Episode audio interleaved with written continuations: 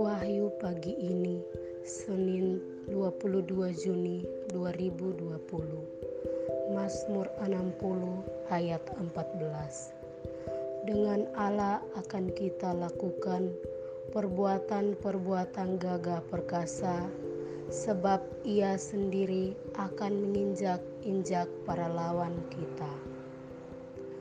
Penyertaan Allah memampukan kita menghadapi lawan-lawan kita seperti kemalasan, kekerasan, dan keserakahan. Maukah aku disertai Allah? Selamat pagi.